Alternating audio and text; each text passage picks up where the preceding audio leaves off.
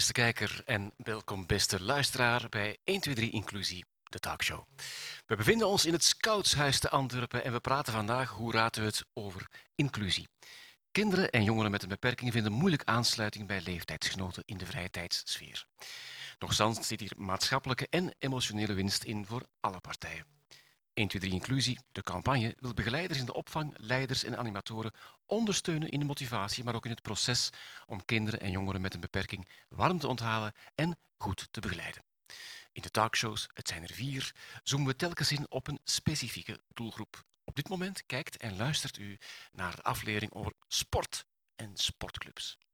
Straks op het einde praten we met Beno Schrapen, de auteur van het boek Excluses. Ja, en Beno is hier aanwezig. Hij zit daar op zijn hoge stoel. Hij houdt alles nauwlettend in de gaten. Strakjes reflecteert hij op alles wat hier allemaal verteld wordt. Maar we beginnen met een heel straf verhaal. Johannes raakte op 2,5-jarige leeftijd met zijn hele familie betrokken bij een zwaar ongeval. Hij hield er zware letsels aan over. Maar inmiddels schittert hij als atleet en dat maakt zijn familie vooral heel trots. Welkom, Johannes. Wel, uh, dankjewel. Ja, ja, dat is wat men dan zegt. Ja, welkom. En welkom, papa Jurgen. Goeiedag. Ja, um, voor alle duidelijkheid, alles begon dus met een ongeval. Jurgen, kan je daar kort iets over vertellen? Want jij weet er misschien niet meer zoveel van. Na zo'n verkeersongeval, zwaar verkeersongeval, staat je leven echt op zijn kop. Het, alles staat stil en plots lijkt het alsof je zoon, die het grootste slachtoffer daarvan is, niets meer kan. Um, dan is het een kwestie van tijd en vooral de juiste mensen op de juiste momenten ontmoeten die um, ja, je, je ogen openen en tonen dat er nog veel mogelijk is. Ja. Maar telkens met de nodige hulp mm -hmm. en de nodige aanpassingen. Uh, dan, is het mensen, dan zijn het mensen die geloven in personen met een beperking om hen eigenlijk vooruit te helpen. En het is dat geloof die um, die openingen, die, die hulp, die kleine hulp die dan moet geboden worden, die voldoende is om uit het, het beste uit mensen met een beperking te halen. Ja. En als ik vandaag trots ben, dan is dat eigenlijk omdat ik zie hoe Johannes gegroeid is in die 12 jaar, 13 jaar na het ongeval, hoe dat hij gegroeid is en hoe dat mensen een verschil kunnen maken. Soms kleine dingen. We waren in de auto nog bezig over het verhaal van Ultrakit. Ja. En uh, in de 80 kilometer dat Johannes en Nico moesten samen lopen, um, was er een trap. En in feite mag niemand helpen bij een atleet die die 80 kilometer moet afleggen, of die 82 kilometer. 84, 82, 84 kilometer, ja, ik vergeet dat soms wel eens. Mm -hmm. um, maar goed, zo'n uh, rolstoel kan geen trap, dus je hebt wel hulp nodig op dat moment.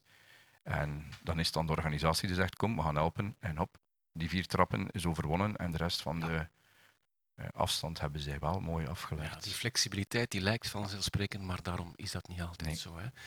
Uh, Johannes, jij hebt eigenlijk voorleer je doet wat je nu doet, daar moet je zelf iets over vertellen. Heb je ook al andere sporten getest, of niet? Uh, ja, ik doe eigenlijk al ja, sinds mijn ongeval heb ik al heel veel sporten uitgeprobeerd en doe ik er nog steeds. Mm -hmm. uh, ik ben al regelmatig eens uh, gaan zitskiën. Ja. Uh, ook op vakantie daarmee geweest met Anvalsport. Um, ik heb tennis geprobeerd. Ik heb rolstoeldans gedaan. rolstoelbasket had ik nu nog altijd heel graag toe. ja, ik ben altijd wel bezig geweest. Um, naar omnisportdagen geweest van To Walk Again uh, op kamp gaan en zo, wat ik nu nog altijd heel graag doe. Maar uh, ja, ik ben altijd wel sportief bezig geweest. Ook, ook door mijn ouders, die dat altijd wel uh, gestimuleerd hebben vanaf het begin. Dat ik wel ja, moest blijven sporten en moest blijven ja, naar buiten komen. Ja. Omdat dat direct ook wel de bedoeling was van... Ja, we gaan net zoals mijn andere twee broers ook op zoek uh, voor jou naar, naar sport. Uh, je gaat ook naar de muziekschool gaan, je gaat ook uh, ja, gewoon naar school gaan. En, en dat was direct wel de bedoeling ook. Oké, okay. en tijdens die zoektocht is er een, toch een bepaald talent naar boven gekomen? ja. Mag je zeggen over jezelf hoor. Um... Als wij naar jou kijken en ik kijk naar je schouders, dan denk ik: My god, het talent kruipt net niet door zijn trui naar buiten. Dus. Uh, dankjewel. Uh, dat, is, dat, is, dat is leuk om te horen. Uh, ja, maar we zijn inderdaad nu um, vooral bezig met, met ja, atletiek, met het, het, het rolstoelracen, mm -hmm. het wielen zoals dat we noemen. En daarin heb ik toch wel mijn dadawa gevonden en, en ben ik nu ook wel echt aan het doorgroeien. Um, doordat ik ook dit jaar in die atletiek een talentenstatuut heb behaald. Okay. Um, dat is een topsportstatuut, kan je zeggen, waardoor dat ik vanaf uh, volgend jaar um, ja, professioneel begeleid zal worden op basis van voeding, uh, op basis van psychologie, op basis van ja, nog verder gaan trainen um, en zo uh, met als doel ja, beter worden in eerste geval. Ja. En ooit op de Paralympische Spelen geraken dat lijkt geen onhaalbaar verhaal intussen. Eigenlijk zeg je, ik ga behandeld worden of ik ga de kansen krijgen zoals elke sporter die zou moeten kunnen krijgen. Uh, ja, dat is effectief de bedoeling. Eh, zoals ja, een, een, een, echte topsportbegeleiding, zoals elke, ja, laten we zeggen, normale atleet die mhm, zou, mhm. zou krijgen. Maar dan ik uh, in mijn wieler of mijn rolstoel dat ook zal ja, krijgen. Dan. Absoluut. Nu, als je naar de Paralympics trekt, dan race je uiteraard tegen andere uh, mensen in een rolstoel. Hè? Dat is mm -hmm. zo. Maar je sport ook af en toe uh, met mensen die geen beperking hebben of die uh, niet in een rolstoel zitten? ja, absoluut. Ik ehm, zit bij een triathlonclub, triathlonclub Ohana, wat betekent in het Hawaiiaans familie. En dat is het ook echt wel. Super. Um, want ja, die nemen mij overal mee naartoe. Dat is een valide triathlonclub. Um, wij gaan samen uh, door het bos gaan lopen. Wacht, met, dat moet, hoe gaat dat in zijn werk? Uh, ja, dat is dan. Uh, zij lopen dan. Ik ging dan bijvoorbeeld met de, met, met de fiets. Um, en dan als er een obstakel was, de, droegen ze mij met vier over, over dat obstakel. En dan, dan gingen we verder. Ja. dus dat is ook altijd heel mooi dat we dat, dat, we dat samen uh, mm -hmm. kunnen doen. Eigenlijk geef jij hen wat extra fitnessoefeningen onderweg. We zijn u dankbaar. ja. Hè? Ja. Uh, papa Jurgen, jij, jij, deed een gebaar van, er wordt ja. ook gezwommen. Absoluut. Um, hij zwemt op zijn rug, maar hij zwemt sneller. Dankzij Ohana en de trainingen van Ohana Aha. zwemt hij sneller dan dat ik kan zwemmen. Ooit. Ik ben begonnen met hem mee te zwemmen ja. ooit. En uh, mijn vrouw heeft mij ooit een keer uit het water moeten halen. Allee, ja, het is gedaan, want uh, je, je ja. kleurt blauw. ja, ja. Ze zei toen, jouw talent ligt ergens Ja, dat is duidelijk. Okay. Um, wat doet uh, het sporten met jou mentaal, Johannes? Goh, ik denk dat dat wel ja, vooral heel belangrijk is, omdat ik ja, eerst en vooral omdat ik dat ook gewoon ontzettend graag doe, los van, ja. los van mijn beperking, los van alles, omdat ik dat, ik denk dat dat ook gewoon belangrijk is dat ik het waanzinnig graag doe en dat ik er heel veel voldoening uit haal. Maar ook natuurlijk dat dat wel toont dat ja, ik natuurlijk niet ja, moet onderdoen voor, voor andere ja, atleten. Um, in, in, in hun sport. Um, dus dat ik ook wel effectief wel echt wel goed kan sporten en goed kan, uh, goed kan wat, ik, wat, ik nu, wat ik nu doe. Mhm. En uh, ja, dat is wel ja, fijn dat ik dat wel kan tonen. Oké, okay, en dat voor het mentale en wat met het sociale? Um, ja, je komt natuurlijk in contact met ongelooflijk veel mensen. Um, ik heb dankzij mijn sport een hele ja, grote kring van mensen ontmoet, een vriendenkring ontmoet.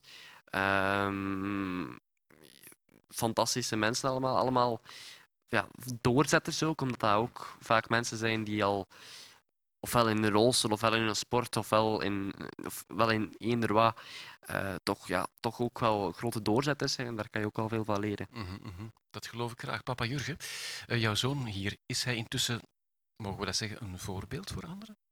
Ik denk het wel. Um, mm -hmm. Af en toe horen wij en um, vragen mensen ook van uh, kom eens langs. Um, wij hebben gezien dat Johannes dit en dit doet. Mm -hmm. Kan je eens komen uitleggen hoe je daartoe gekomen bent?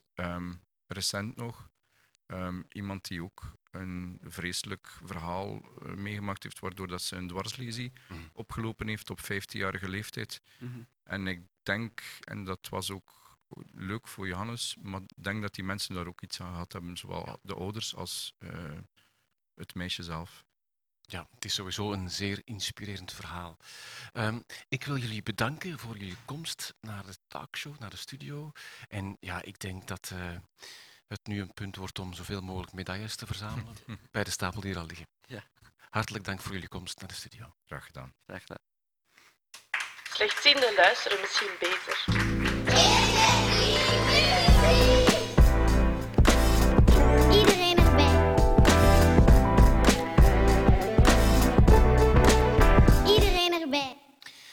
Als deze nemen ons mee en doen ons dromen. Dromen blijven belangrijk voor iedereen. En waar aan dromen wordt gewerkt, daar is hoop en daar is toekomst. Er is een organisatie in Vlaanderen die dromen voor sporters meetracht te realiseren. En een van de, laat ik maar zeggen, voorvechters daarvan is Eline Moerman en ze is bij ons hier aanwezig. Dag Eline. Goedemiddag, hallo. Je mag goed dicht bij die microfoon komen, dan horen we jou goed. eh. Nu, ehm Eline, eigenlijk vertrekken jullie steeds van één vertrekpunt. En dat is, wat is de wens voor de sporter? Kan je dat even toelichten? Ja, klopt. Dus eh G-Sport Vlaanderen is dus de, de Vlaamse eh, erkende sportfederatie voor personen met een beperking, psychische kwetsbaarheid of een chronische aandoening. En ons vertrekpunt is inderdaad dat de sporter met een beperking eigenlijk de keuze moet hebben eh, hoe dat die gaat sporten. Ja. Dat, dat kan inclusief zijn, dat kan een G-werking zijn. Dus er zijn verschillende vormen mogelijk. En een G-werking is- is specifiek met andere jongeren met een beperking. Ja, inderdaad. Dus dat is, dat is inderdaad die keuze. Dus er zijn verschillende opties, eh, waaronder het volledig inclusieve uiteraard ook. Oké. Ehm, in een van de vorige afleveringen van deze talkshows hoorden we eigenlijk zeggen dat hoe jonger je ermee begint, hoe beter. Eh, is er bij jullie een minimumleeftijd bij G-Sport Vlaanderen? Nee, eigenlijk niet. Ehm, wij, wij kijken wat er mogelijk is voor, voor de clubs. En de- er zijn bepaalde sporttakken die al zeer vroeg kunnen beoefend Ja. worden.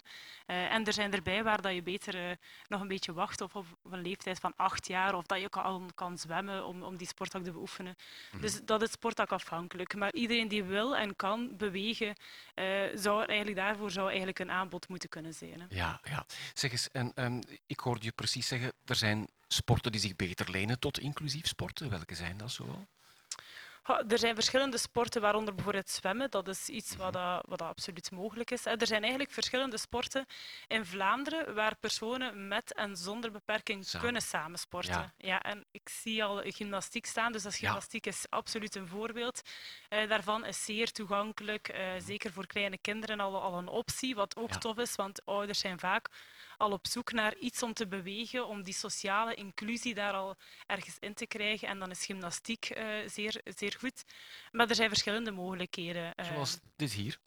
Kan je even ja. duiden wat hier gebeurt? Want dat is toch wel heel bijzonder. Ja, dat is eh torbal. Ehm, dus dat is een sport specifiek voor mensen met een visuele beperking. Mhm. Maar wij proberen als organisatie ook ervoor te zorgen dat daar ook die sociale inclusie aan bod kan komen. Hè. Dus iemand zonder beperking, zonder visuele beperking, kan perfect ook die Mhm. sport meedoen. Hè. Die zetten die bril op en hup, die zijn mee vertrokken. Het is geen blinddoek, het is echt een bril. Het is, het is echt een bril. Ja, het is een geblindeerde, een geblindeerde bril. Ja. Ook in de atletiek zijn er mogelijkheden.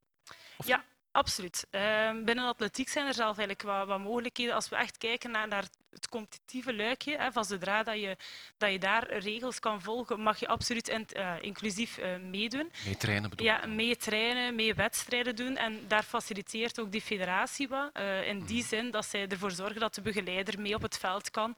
Wat ervoor zorgt dat, dat die integra- integratie, die inclusie wat bevordert. Want Ja. dat faciliteert eigenlijk die atleet. Ja, dus Ja. iemand met een prothese, die kan mee trainen, maar kan die dan ook mee wedstrijden Ja. Absoluut. Dus die mogelijkheid is er en die, Ja. kan, eh, die kan meedoen. Dus dat, dat wordt ook zo bevorderd. En we hoorden net Johannes zeggen, hij doet het wielen.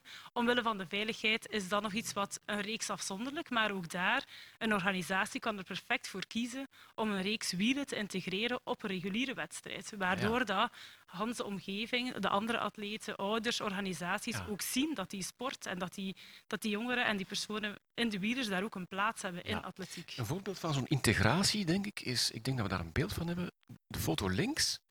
Ja, Dat, dat zie je wel eens gebeuren bij toernooien bij waar eh, gevolleybald wordt, toch? Absoluut. Ja, in Vlaanderen zijn er eigenlijk nog maar een viertal clubs met een zitvolleybal aanbod. Oké. En dat zijn dus gemengde clubs, allee, gemengde werkingen. Dus Mhm. dat is echt mensen zonder en met beperking die daar samen het zitvolleybal beoefenen. Ehm, en, en Volley Vlaanderen stimuleert daar eigenlijk toernooiorganisatoren Ja. om die werkingen ook te ontvangen. En ervoor te zorgen als er een toernooi is, als, als een club daar tegen uitkomt of een ploeg komt tegen zo'n zitvolleybalwerking uit, dat er gewoon gezitvolleybald wordt. En zij hebben daar dus ook een, een plaats. En Ja. ja, het is voor de tegenstand al juist zo moeilijk om zich aan te passen, want Super. er zijn wel een aantal technische dingen die, die dan plots niet meer kunnen. Het zitvlak moet op de grond blijven, dus waar ben je daar met je sprongkracht? Eh, ja, de opslag Daar is ook helemaal talent. anders. Ja. Voilà. Dus eh het is ook een Ook hele uitdaging. Een les in nederigheid eigenlijk. Ja, Oké, bijzonder. Eh, nu, het is, het, is, het is wel knap dat valide spelers, om het zo te noemen, en jongeren met een beperking op die manier echt van elkaar kunnen leren en samen dingen kunnen doen. Daar zetten jullie expliciet ook op in met G-Sport Vlaanderen. Ja, we hebben ook een aantal andere, andere projecten. Wij organiseren ook een jeugdsportfeest. Johannes is daar ook al, eh, al naartoe geweest. Ook daar nodigen wij broers en zussen uit om eigenlijk samen te sporten. Eh, en wij hebben ook binnen de revalidatiecentra bijvoorbeeld een project waarbij dat eh, de revalidanten eh, begeleid worden om dan richting, als ze eh, uit het ziekenhuis ontslagen worden, om eigenlijk ook in sport hun weg te vinden. En daar zien we ook heel veel het verhaal van het inclusieve, eh, dat ze echt gaan meesporten met, eh, of in een reguliere, in een reguliere club. Oké, en hoe begin je nu als ouder aan zoiets? Ik bedoel, eh, ga je dan wat googlen en hoe, hoe komen ze bij jullie terecht en wat kunnen jullie dan doen?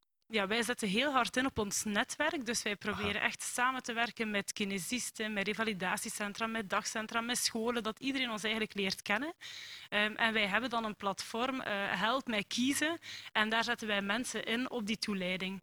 Eh, dus wij gaan echt met de mensen in gesprek van wat wil je doen, wat doe je graag, welk soort type ben jij. En we gaan echt op zoek naar wat is er allemaal.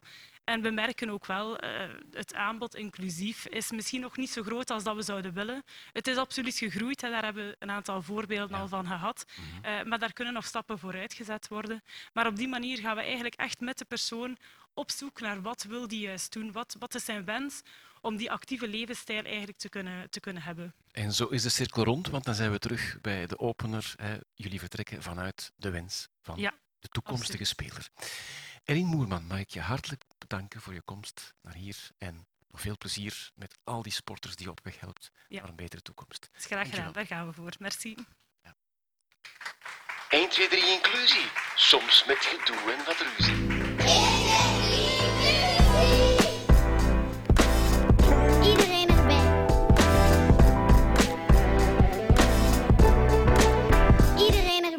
Onze volgende centrale gast is Kevin. Ze hebben net zijn stoel gestolen, denk ik, maar hopelijk.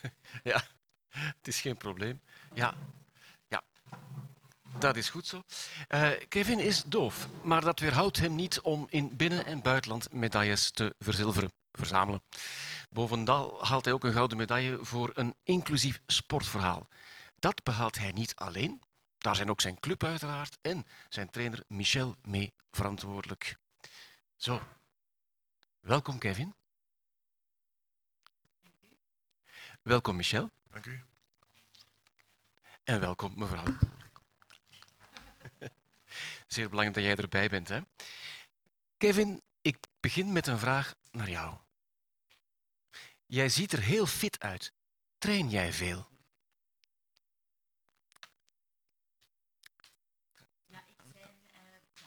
is bijna. En als ik gedaan heb met werken, dan ga ik s'avonds heel snel naar de training. Mhm. Woensdag en vrijdag en donderdag gaan we ook samen lopen. Eh, en de rest van de dagen eh, heb ik zo mijn eigen trainingsschema. My god. Dat is best pittig. Hoe... Ja, ik wil toch heel graag bepaalde doelen halen. Oké. Hoe lang train jij al bij deze club? Eh, van als ik zes jaar was, ben ik begonnen. En eigenlijk tot nu toe, ik ben nu 31 jaar. Dus ik kijk meer dan 20 jaar. En eh, ik ben ook enkele jaren gestopt, maar ik ben dan teruggestart. Aha. Wat vind je nu zo bijzonder en zo leuk aan judo? Ja, eigenlijk stre- ja, stressbeheersing krijg ik daartoe. Omdat door sport te doen, word ik kalm. En ik heb ook altijd heel graag judo, judo gedaan. Mijn ouders, mijn oom en mijn familie hebben ook altijd judo uitgeoefend. Dus ik heb, eh, ben zo mee eigenlijk eh, erin gerold. Oké. Nu, naast jou zit Michel. Ik weet dat hij naast jou zit, maar is hij een goede trainer? Een zeer goede toptrainer. Toch even testen of er correct vertaald wordt ook natuurlijk. Oké, Michel, zo zijn we bij jou. Wat betekent het om een jongen als Kevin te mogen begeleiden in zijn sportieve carrière? Want het is een carrière. Eh, voor mij betekent dat heel veel. Ik heb heel veel eh, gewone atleten die geen beperking hebben. Maar Kevin en nog enkele andere eh, dove atleten, die geven een meerwaarde voor mij, omdat je dan meer, eh, en meer je best moet doen om de mensen te helpen. Omdat ik ook vind dat we iedereen moeten proberen helpen. En eh, met Kevin klikt dat enorm goed. Eh, we zijn samen naar het Europees kampioenschap, het WK en eh de Olympics al verschillende malen geweest. Ja. En met een vrij goed resultaat. Eh, vijfde plaats op WK en vijfde plaats op eh, de Def Olympics. Tweemaal. En eh, Kevin heeft een, een bronzen medaille gehaald op het WK in Turkije. Dus een super prestatie. Ja. Wat betekent dit? Want je vertelde nu wat het voor jou betekent, dat je meer ja, je best moet doen, nog meer. Maar wat betekent dit qua uitstraling voor de club? Ehm, in het begin was dat een beetje moeilijk, eh, om dan veel mensen, ehm, als ze een dove atleet zien binnenkomen, oh, ze weten niet hoe dat ze moeten mee handelen en werken. Ik ben er nu al ehm, pff, bijna twintig jaar mee bezig. Ja. En eh, dat lukt fantastisch goed. Ik heb heel veel dove vrienden in het buitenland en hier in België. Dus dat heeft mij een heel goed gevoel. Ja. Dat maakt dat jij ook een andere sport, namelijk het tolken, intussen een beetje onder de knie Eh, krijgt. ik zou niet zeggen dat ik het kan tolken, maar Ja. ik kan wel met de mensen eh, Moet wel komen. Ja, moeten we al communiceren. eh lijkt op vergaderingen. Als we, we hebben zelf hier in België, in Antwerpen, in Braschaat, het Europees kampioenschap voor de doven georganiseerd. Dus ja, dat was eh, heel veel vergaderen Ja. met allemaal doven. Eh, dat was heel moeilijk, eh, maar eh, ik vind dat hoe meer kracht en energie dat erin steekt, hoe meer dan we eh, uitkregen. Dat is fantastisch geloof. Ja, de return die telt wel. We hebben een filmpje klaarstaan dat we toch graag eventjes met jullie willen delen. We gaan kijken.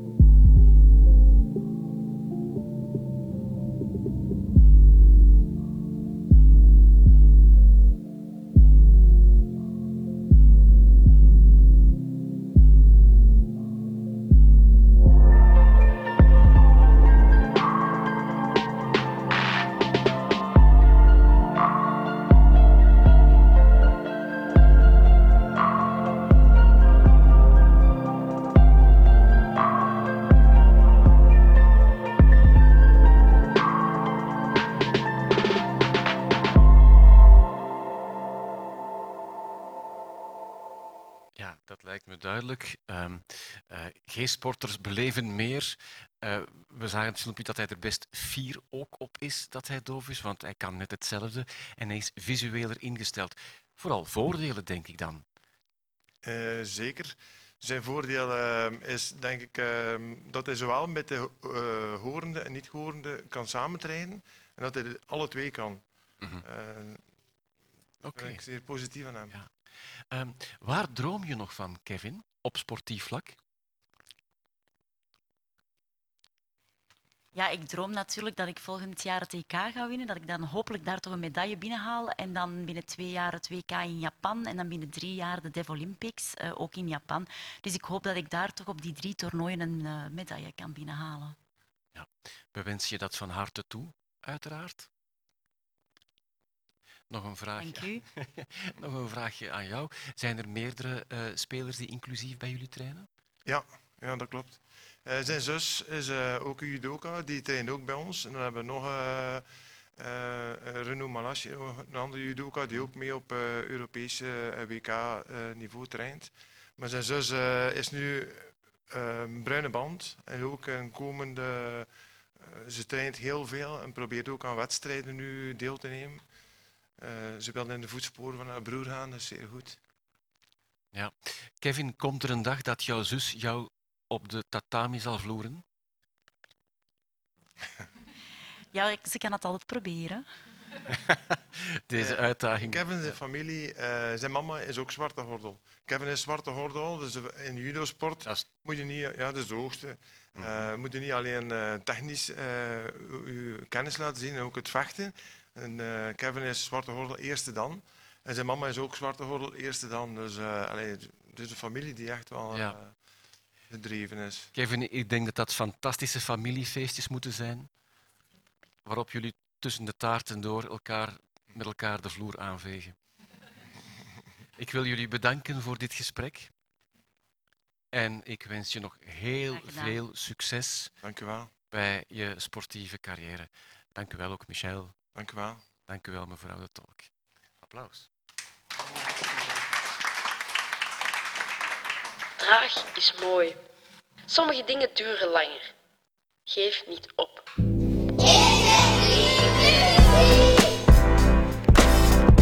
Iedereen erbij. Iedereen erbij. Ja, iedereen erbij. En om hier op dit moment iedereen erbij lees mee aan tafel te krijgen, dat is niet zo evident, want ze zijn met veel en eh, er moet nog een koptelefoon opgezet worden. Ja, beste kijkers, beste luisteraars, we saved the best for last, uiteraard. Want we zitten hier met heel straf volk aan tafel. Dat straf volk dat schuift nog wat dichter met de stoel, zodat ze zeker goed bij de microfoon kunnen komen. Want we hebben hier toch wel een bijzonder inclusief verhaal voor u klaar. Louis, die hier naast me zit, speelt Ja. al een poos handbal, ja, een poos handbal en gaat af en toe ook mee op kamp. Hij speelt mee in de reguliere werking met de andere spelers, maar hij is niet alleen hier. Hij heeft iemand meegebracht. Ook Elias. Hi Elias. Hallo. Hallo, een leeftijdsgenoot uit dezelfde club is erbij en dat is wel bijzonder. Ik begin bij Louis. Dag Louis. Hallo. Ben je nog zo zenuwachtig als daar straks? Ja. Oké, dat mag. Dat zijn we allemaal een beetje. Louis, daar straks heb ik jou gevraagd wat er nu zo leuk is aan handbal. Kan je dat nog eens vertellen? Handbal vind ik zo leuk omdat je dan samen kan spelen in een, als een team. En als je in een team speelt, vind ik dat leuker. En dan kan je ook Aha, samen dan kan je elkaar beter leren kennen ook. super. Dus samen spelen is gewoon leuk, omwille van, ik zal een moeilijk woord gebruiken, de dynamiek, maar je leert elkaar ook beter kennen. En Elias, klopt dat wat hij zegt? Ja, ik kan daar zeker mee overeenkomen.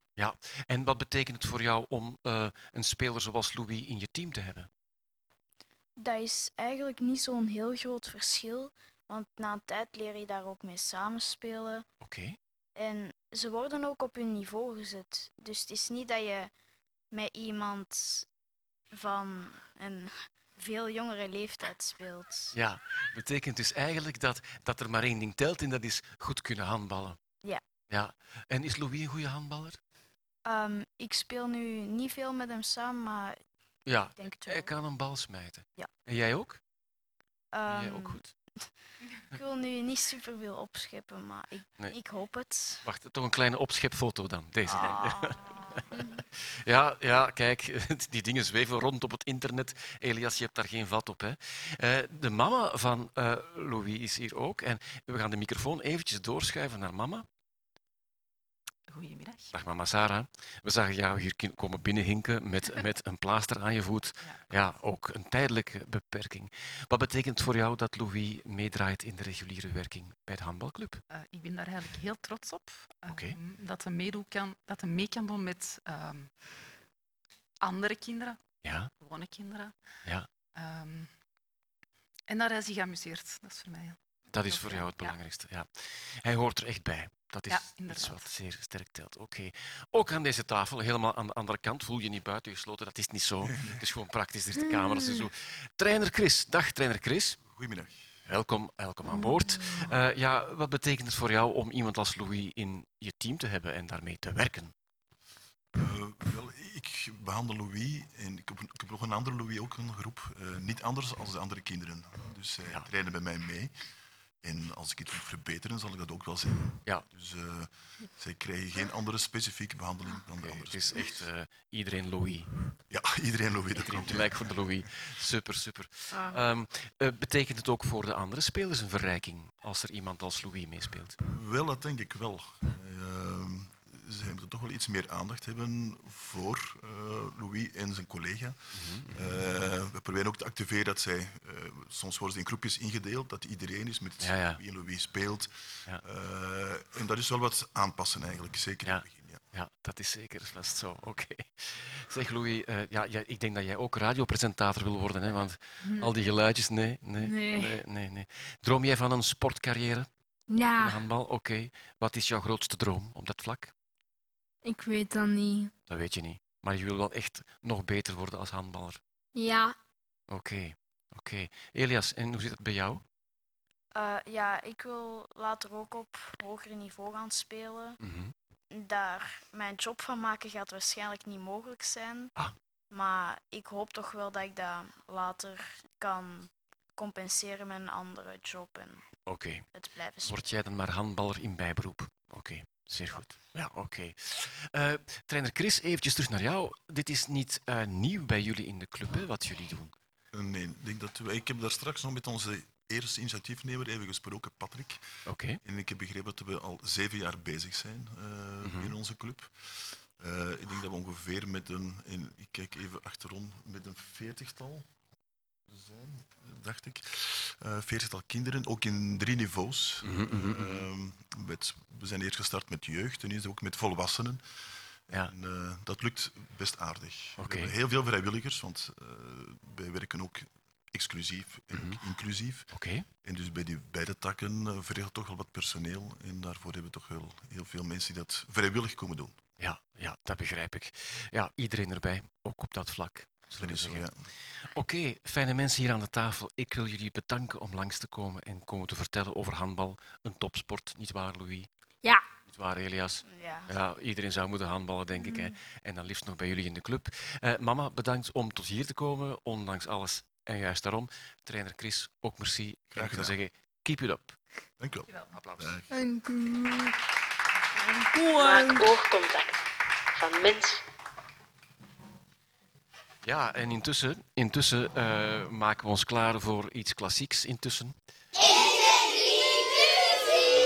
Iedereen Dat geluid hebben we nog nodig.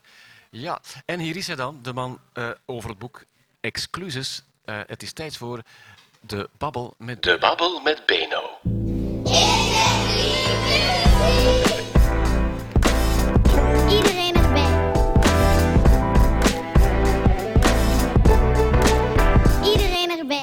weet het intussen of u weet het niet, maar intussen is onze vaste reflectiegast Beno erbij komen zitten. Ja, Beno schreef het boek Exclusies. Hij is orthopedagoog, lector en onderzoeker. Dat is allemaal on top of each other aan de AP Hogeschool bovendien. En vandaag heeft hij alweer verdraaid goed opgelet. Waar fronst je de wenkbrauw van en wat maakt jou heel gelukkig, Beno? Ja. Voor eerst uh, dank, bedankt dat ik hier mag zijn, natuurlijk, Wouter. Um, je bent welkom. uh, ja, sport is natuurlijk een, een zeer boeiende wereld hè? Mhm. Uh, en maakt voor veel mensen, zowel op actieve als op passieve wijze, deel uit van het leven. Hè? Mhm. Um, maar we zien natuurlijk sport. Sport draait rond prestaties. Ja. Draait, rond, uh, draait per definitie eigenlijk rond ongelijkheid. Hè?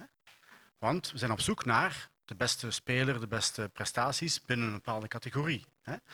Uh, er zijn verschillen tussen mannen en vrouwen en tussen verschillende sporters en tussen verschillende sporten. Hè? Dus eigenlijk is de sportwereld bijna per definitie een ongelijke wereld. Hè? Uh, maar dat is juist ook eigen aan het verhaal. Hè? Mhm. Uh, en het, daarom is het des te boeiender om te zien hoe we proberen om daar inclusie mogelijk te maken in dat verhaal. Hè? Uh, en in eerste instantie, hoe meer mensen sporten, hoe beter voor iedereen. Het is gezond, Het is eh, goed voor de samenleving, het is goed voor de samenhorigheid enzovoort. Ja, ik heb ook gehoord dat, dat de jongeren zich ook echt emotioneel gezien en gevoeld worden. Ze horen erbij. Ja. het is voor een mentaal en sociaal welbevinden wel heel sterk. Hè? Heel sterk, ja. Dus dan maakt het eigenlijk niet veel uit of je dan in een G-sportclub zit of in een andere club. Mhm. Ehm, maar de ervaring leert uit het verleden natuurlijk, wanneer we, eh, hoe meer wij exclusief of apart inzetten op een aantal zaken, hoe minder maatschappelijke waardering daarvoor is. Hè? Ja. En we moeten ook toegeven dat vandaag de dag er minder maatschappelijke waardering is voor uh, para-atleten bijvoorbeeld dan voor Olympische atleten. Dat zien we ook wanneer die spelen doorgaan. Hè. Ik zeg ook altijd van ja, de para-atleten die krijgen één keer in de vier jaar krijgen die een beetje aandacht. En daarna moeten ze het doen. Uh, ze vooral op zichzelf uh, terugvallen. En dat is een beetje jammer, hè, want een atleet is een atleet. En daar zit wel een, een, een grote gelijkenis ja. in heel die ongelijke sportwereld. Hè. En zoals gezegd, uh, het, is, uh, het zou eigenlijk bon ton moeten zijn, het zou eigenlijk vanzelfsprekend moeten zijn dat binnen, binnen elke sportmanifestatie dat al die uh, para-atleten of sporters met beperkingen ook zichtbaar zijn. Hè. Dus we zouden daar toch als maatschappij en als sportclub en als sportvereniging de uitdaging moeten aanhalen dat van zodra wij een grote of middelgrote of kleine sportmanifestatie organiseren, dat daar de G-clubs en andere uh, clubs bij betrokken zijn. Ja, dat moet een reflex worden, toch? Dat zou een automatisme moeten zijn. Ja. Hè? Net zoals men vanuit een maatschappelijk oogpunt zou kunnen zeggen van ja, elke uh, professionele sportclub of vereniging die zichzelf een beetje respecteert, zou toch uh, moeten kunnen inzetten op één, aan de ene kant G-sport. We Mhm. zouden een aantal G-sportclubs moeten hebben, maar ook op dat inclusieve verhaal. En natuurlijk is het een stuk makkelijker om aan dat inclusieverhaal te werken als die G-sporters al aanwezig zijn binnen uw infrastructuur, als die al zichtbaar zijn tijdens uw feesten en tijdens uw bijeenkomsten. Maar daar moet je een beetje moeite voor doen. Hè? Dan moet je als club toch zeggen, expliciet, wij gaan hiervoor. Ja, tuurlijk, dat is een keuze. Hè. Inclusie is, een, is dan een keuze. Werk maken van een inclusieve samenleving is een, is een keuze ja. die we moeten maken binnen alle levensdomeinen. Mm -hmm. Sport, vrije tijd, cultuur, tewerkstelling, wonen, zorg. Hè. Uh, en, en, en, we zien vooral dat vandaag de dag die keuze van onderuit wel wordt gemaakt. Ja. Dat die veel meer structureel in onze maatschappij zou moeten kunnen indalen. Ja, misschien net zoals je vorige keer ook zei. Misschien moeten we daar een duwtje aan geven. Ja. Misschien moet het bijna verplicht worden. Ja, want men, het, het, is ook altijd interessant om, om, om te weten dat um, het hele inclusieverhaal, want wij focussen, focussen altijd op de, de meerwaarde voor de personen met een beperking zelf. Mm -hmm. Maar wat in al die verhalen die we al vandaag gehoord hebben, uh, toch aan bod komt, is ook de meerwaarde voor de andere sporters. Voor de andere, uh, voor de leeftijdsgenoten die meespelen, sporten en aanwezig zijn. Het feit dat dat uh, hen sterker maakt in het omgaan met verschillen. In het feit dat ze toch moeten leren zorgzaam omgaan met elkaar. In het feit dat ze ook sterker worden daardoor. Want het vraagt soms ook wat inspanning. Hè. Je moet mm -hmm. soms uh, door anderen te helpen, word je ook sterker, uh, fysiek of andere, afhankelijk van de hulp die nodig is. Dus de, de meerwaarde is van inclusie, of van inclusief sporten of een inclusieve omgeving, is er niet alleen voor de persoon met een beperking. Maar is er eigenlijk voor iedereen, voor iedereen die betrokken is. Dus iedereen wint bij een keuze voor inclusie. Ja, help een ander, help jezelf, zou je ja. kunnen zeggen. Ja, ja oké. Okay. Beno, uh, ik ga even naar jouw uh, speakbriefje kijken. Ja. Staat daar nog iets op waar je mee wil afsluiten? Um, Als laatste item? Ik ga eens kijken. Kan jij het nog lezen? Ja, in, in die zin dat, dat sporten, hè, wat dat nu via G-sport is, inclusiesport mm -hmm. of andere, is natuurlijk een, een perfecte manier om mensen met een beperking zichtbaar te maken. Absoluut. Uh, en mensen uit de onzichtbaarheid te halen. En tonen dat mensen in staat zijn tot heel veel zaken, heel veel uh, dingen. Hè. En dat zij ook uh, een bepaald ja, atletisch vermogen kunnen ontwikkelen, mm -hmm. ongeacht die beperking. Maar we, zitten, we, blijven daar altijd een beetje in dat onevenwicht zitten, in de, in de aandacht die minder is. Er wordt wel gezegd, ja, de para-atleten zijn de echte atleten, maar ze krijgen wel niet dezelfde of meer aandacht dan de andere atleten natuurlijk. Ja, en je bedoelt daar ook mee media-aandacht? Ja, ik bedoel onder andere media-aandacht. Het, het gaat over die zichtbaarheid. En hoe meer mensen zichtbaar worden uh, in onze maatschappij door sporten of andere zaken, hoe meer mensen met een beperking zichtbaar worden, hoe vanzelfsprekend er is, meer vanzelfsprekend het is dat ze er zijn. Ja. En uh, hoe makkelijker het inclusieverhaal verder kan verlopen. Inderdaad. Laten we besluiten dat alles wat je aandacht geeft, groeit. Ja, Eno. klopt. hartelijk bedankt voor deze babbel. Graag gedaan. Ja, beste kijkers, beste luisteraars, we zijn aan het einde gekomen van deze talkshow over inclusie. Check zeker ook de andere talkshows uh, met de andere thema's. Er zijn er vier in totaal. Um, bedankt dus om te kijken, bedankt om te luisteren en tot 1, 2, 3 inclusie. 1, 2, 3 inclusie!